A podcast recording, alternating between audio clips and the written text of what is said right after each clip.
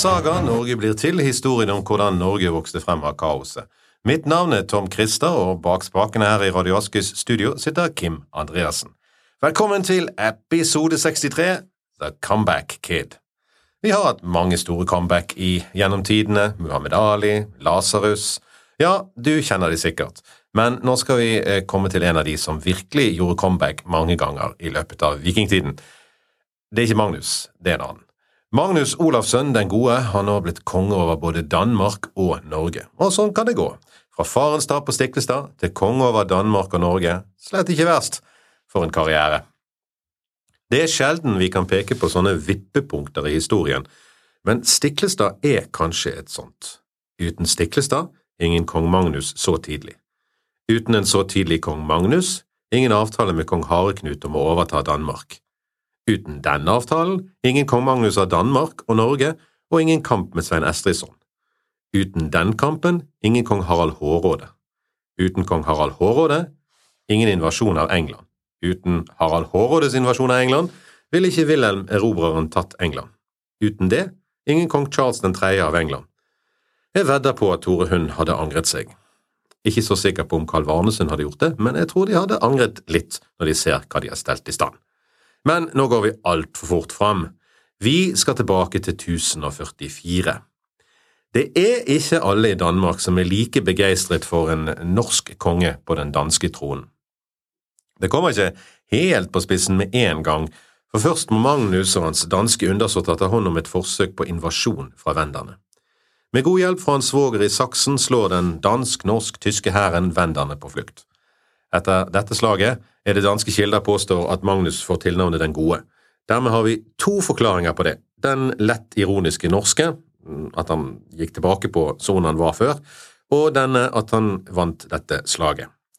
Men straks venderne er slått og den ytre fienden ligger med brukken rygg, begynner uroen i Danmark. Bak står Svein Ulfsson, eller Estridsson som sagt, mannen som Einar Tambarskjelvet mente var for stor, for stor jarl. Denne ovstorjarlen har sin maktbase øst i Danmark. Danmark på denne tiden består av det vi i dag kaller Danmark, men også betydelige områder sør for dagens grense og øst i det som i dag er Sverige. Halland, Skåne og Blekinge var alle under Danmark, som dermed sperret hele innseilingen til Østersjøen helt ut til Bornholm. I sør omfattet det Slesvig, altså det som i dag er den nordligste delen av Tyskland. Svein Estridsson han kaller seg med sin mors navn fordi han skal understreke familiebåndene til den danske kongeslekten, og det er gjennom morslinjen han har denne forbindelsen til blant annet Knut den mektige. Det er ikke lenge Magnus får hvile på laurbærene etter den store seieren over venderne ved Lyrskog hede. Svein Estridsson har fått det for seg at han skal bli konge over Danmark, og han har en del støtte. Ganske mye, faktisk, spesielt på østsiden av Øresund. Svenskekongen hjelper også litt til, sånn bare for å balansere makten i Norden. Det kan en jo egentlig skjønne, for dersom Magnus hadde fått full kontroll med Danmark uten motstand, mm, hvem vet om han ikke så ville vendt nesen mot Svitjod? Det vi vet, er at det slett ikke var Svitjod og svenskene han hadde planer mot. Tvert om, han så vestover. Magnus sender faktisk på et tidspunkt et brev til den nye engelske kongen og krever England, siden han skulle arve danskekongen. Han får et litt rart svar. Englands nyslåtte konge sier nei, han vil nok helst holde på kronen sin, men om Magnus skulle komme, så vil han ikke reise en hær mot han. Mm, ja, den som tror på det, må være temmelig naiv, men da svarer faktisk Magnus at han syns det er best at de beholder de landene eh, de har, og ellers lar hverandre i fred. Hva Magnus hadde gjort om han ikke nå fikk et opprør i hendene, vet ingen, men nå blir det slåssing. Mye slåssing. Gamle venner blir nye fiender, og denne episoden vil inneholde veldig mange slag når Svein Estridsson forsøker å bli konge og Magnus forsøker å fortsette å være det, over Danmark. Det er ikke helt lett å se hvordan dette starter eller spiller ut. I Snorre er det helt ulogisk. Det virker som om Magnus går mot Venderhæren, mens Svein sitter på Fyn og er i ferd med å angripe ham bakfra. Det er ikke det mest sannsynlige. I Ågrip går en enda lenger og plasserer Svein i Venderhæren, og det er Sveins stridsokster som skaper trøbbel for den siden ved at de går feil vei og rett og slett angriper de som eier de. Vi snakket litt om det i siste episode. Andre kilder plasserer Svein på Magnus' side med dansker og nordmenn mot venderne. I alt dette kaoset kan det se ut som det kanskje er noe sant i alt sammen, men at det ganske fort etterpå, etter slaget liksom, bryter sammen til kamp mellom de to. Kanskje er det rett etter at slaget er over, og kanskje det vinteren etter, men jeg får et slags inntrykk av at Magnus forsøker å gjøre opp med Svein like etter, men Svein er på vei hjem igjen, øst i Danmark. For det neste møtet vi hører om, er at de begge møtes til et sjøslag som vi nesten kan kalle Svolder 2.0. De har skaffet seg skip, kan det være fordi Svein er på vei hjem og Magnus tenker å avskjære han. Det er utenfor Rygen, eller Re som det kalles, der de møtes, og det er ganske nært der Olav Tryggvason en gang falt. Det eneste som er sikkert med det møtet, er at Svein taper, eller i hvert fall ikke vinner. Svein har med seg høvdinger fra Fyn, Skåne og Halland, men merkelig nok ikke folk fra Sjælland. Magnus har mest nordmenn og jyder. Svein mister mye folk og flykter til Skåne. Magnus eh, har ikke krefter til å følge etter han og ta hæren i vinterkvarter i Jylland. Han oppløser ikke hæren sånn som han pleier denne gangen. Mye tyder på at vi nå får en profesjonell hær av større størrelse under Magnus, klar til å ta hånd om Svein. Når Svein hører at Magnus ikke følger etter han, men har reist vestover til Jylland, benytter han anledningen til å samle seg en ny hær Svein reiser omkring på Fyn, Sjælland og småøyene og samler folk og skip. Rundt julebordtider er han klar og seiler inn Limfjorden og går i land. Noen der gir seg under han, selvfølgelig, han kommer med sverd og våpen og mange folk. Andre flykter og drar til Magnus i stedet. Svein beveger seg ned til det som i dag er Århus. Men ettersom disse folkene flykter til Magnus, får Magnus ganske raskt nyss om dette, og samler noen av de danske hæren og, og, de norske som fortsatt er i Danmark. De går i skipene og seiler nordover mot Århus. Når Svein får høre om det, samler han selvfølgelig hæren sin og går i skipene og gjør seg klar til kamp. Han samler de på reden utenfor Århus og eh, gjør klar til kamp på skipene. En kan lure på hvorfor en gjør dette. Hadde det ikke vært bedre å forskanse seg på land? Årsaken er nok at dette er en kampform de kjenner, men også to andre fordeler. Det er ikke så lett for menn å stikke av, eh, men det er lettere for kapteinen å føre vekk skipene dersom det er nødvendig og man taper slaget. Og i stedet for en uorganisert livsfarlig retrett på land, kan man komme seg vekk i noenlunde ordnede former. Nå holder Magnus husting og gjør det klart at han vil kjempe. Jeg vil fare mot jarlen, enda vi har noe færre folk. Nå som før vil vi sette vår lit til Gud og den hellige kong Olav, min far. De tar på seg brynjer og hjelmer og ruster seg med skjold og våpen, og setter kursen mot der de mener Svein er, og det er ikke lenge før de får øye på Sveins mange skip. De er bundet eller tenget sammen sånn skikken var, og vi får nå et klassisk vikingsjøslag. Det betyr at de angripende skipene forsøker å kutte løs de forsvarende skipene fra hverandre ved å angripe imellom skipene og på utsiden. Slik forsøker de å få brutt fortøyningene eller tengene. I praksis blir det da kamp stavn mot stavn. Det er litt merkelig, for det betyr at det egentlig bare er en mindre del av styrken som er involvert i direkte kamp mann mot mann. Så når Magnus kjører sine skip inn mot Sveins, er det bare i stavnen at det kommer til eh, sverdkamp. Magnus beskytter seg bak en skjoldborg på sitt flaggskip. Det er det god grunn til, selv om det bare er i stavnen det hugges og hugges mer regner det nå av kastevåpen. Det blir skutt med snørespyd, kastespyd, kastepiler. Det kastes stein og kjeftefletter som en slags tunge kastevåpen. Alt som kan kastes langt og gjøres vondt, brukes nå. De som ikke er på kastehold, bruker buen og skyter piler. Den dag ble trøndere ikke trøtt av å skyte, kveder Tjodolf. Mange får skader og banesår av kastevåpnene, men etter hvert går begge sider tom for ammunisjon. Da har mange spyd gått frem og tilbake flere ganger. Nå synes Magnus det går for trått, og han springer ut av skjoldborgen og løper fremover langs skipssiden. Han roper og egger mennene og løper helt fram til stavnen der huggstriden står.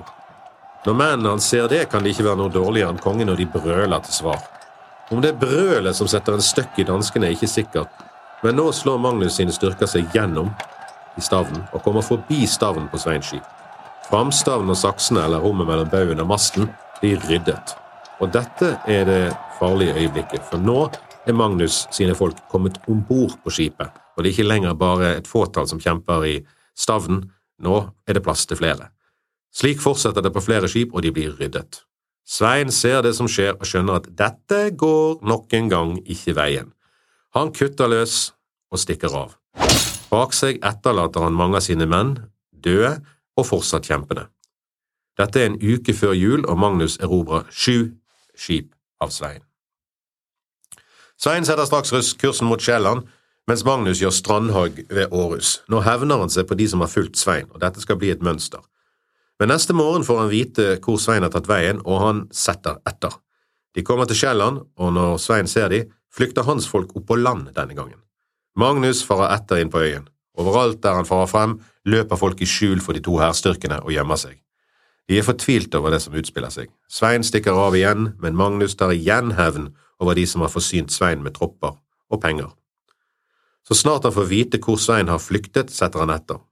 Svein har gjort noe litt ulogisk, han har flyktet til Fyn, som ligger vest for Sjælland. Magnus fyker etter for å få til et slag mot han. Men Svein har ingen planer om å samarbeide om det. Han stikker av igjen, og denne gangen, logisk nok, mot øst, mot sitt hjemland, eller hjemsted, Skåne. Nå stopper han faktisk ikke før han er godt oppe i Jøtaland, der han har et hjemmested. Magnus tar hevn også over fyningene. Sveins menn rømmer til alle kanter. Med Svein i Jøtaland bøyer hele Danmark seg nå for Magnus, også i Skåne.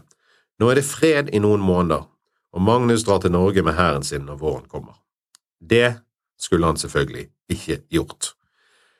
For det varer ikke lenge før Svein får vite at katten er borte og samler musehæren. Med folk fra Svitjod går han inn i Skåne og der vil igjen mange følge han. Igjen går han over Øresund og samler støtte på Sjælland og Fyn, det er reprise. Det går heller ikke lenge før Magnus får høre om nok et comeback fra Svein, så da samler han selvsagt hær og skip i Norge. Det går ganske fort, og de møtes utenfor Århus igjen ved det i dag som heter Helgenes. Magnus hadde færre skip, men større skip og bedre mannskap. I tillegg kan det virke som Magnus' skip var bedre forsynt med for eksempel kastevåpen. Det kjempes hardt, men igjen går det som det har gått i all strid de to imellom. Magnus vinner, og igjen ryddes skip etter skip. Men Svein, han luringen, slipper unna igjen som en ål, til tross for at alle hans skip ryddes. Hvordan han får det til, er uklart, men på et eller annet vis kommer han seg om bord i en liten båt og til Skåne. Men denne gangen har Magnus ikke tenkt å la han stikke unna, så nå går Magnus i land i Skåne. Han driver Svein og hans menn langt opp i landet. Når de ikke lenger får fatt på Sveins mann, tar de igjen, menn, tar de igjen hevn over de som har fulgt han, og brenner bygder og gårder i Skåne. Det er ikke med kjærlighet Magnus den gode vinner Danmark, det er med frykt. Svein rømmer øst i Skåne, Magnus går i skipene og følger etter. Svein rømmer igjen til Jøtaland, der Magnus ikke kan følge etter av svenskekongen. I stedet hevner Magnus seg på Svein sine støttespillere på Falster og Fyn, som igjen får føle kongens vrede. Nå er luften endelig gått ut av Svein, og de danske opprørene er slutt for en stund.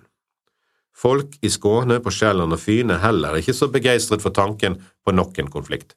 Som en seier i alle slag har Magnus nå kjempet seg til fred i Danmark. Trygg på dette tar Magnus igjen turen hjem til Norge. Men som så mange ganger før, mens han er der, får han foruroligende nyheter. Svein Jarl var på ferde igjen og herjet Sjælland og Fyn. Hvordan kan det ha seg, han er jo grundig slått flere ganger og tom for menn og penger. Det viser seg at Svein har hatt ubeskrivelig mye flaks. En gammel kjenning av Magnus har nemlig dukket opp og truffet Svein i Svitjod. Det er Magnus' halvonkel Harald Sigurdsson, som er kommet tilbake grunnrik etter å ha tjent i garden til keiseren i Miklagard, eller Istanbul, eller Bysants, eller Konstantinopel om du vil. Harald er nå på et eller annet vis på Svein Estrissons side. Harald er rik og en usedvanlig vakker mann med store taktiske evner på slagmarken og lang erfaring fra å slåss for den bysantinske hæren. Dette kan være nok til å tippe vekten i Sveins favør for en gangs skyld. Magnus må komme opp med en slu plan. Hva den blir, får vi høre i neste episode av Saga Norge blir til. Før vi avslutter, et vers fra Håvamål. Vanklokt mann trur vel om alle som hugblitt min helse. Ikke han ser at dei snorer legger han når han sitter med kloke saman. Du skal ikke tro på alt skryt du får, følg med, det kan hende de legger snarer bak din rygg. Jeg er Tom Christer, bak spakene har Kim Andreassen vært. Dette var episode 63 i Saga Norge blir til.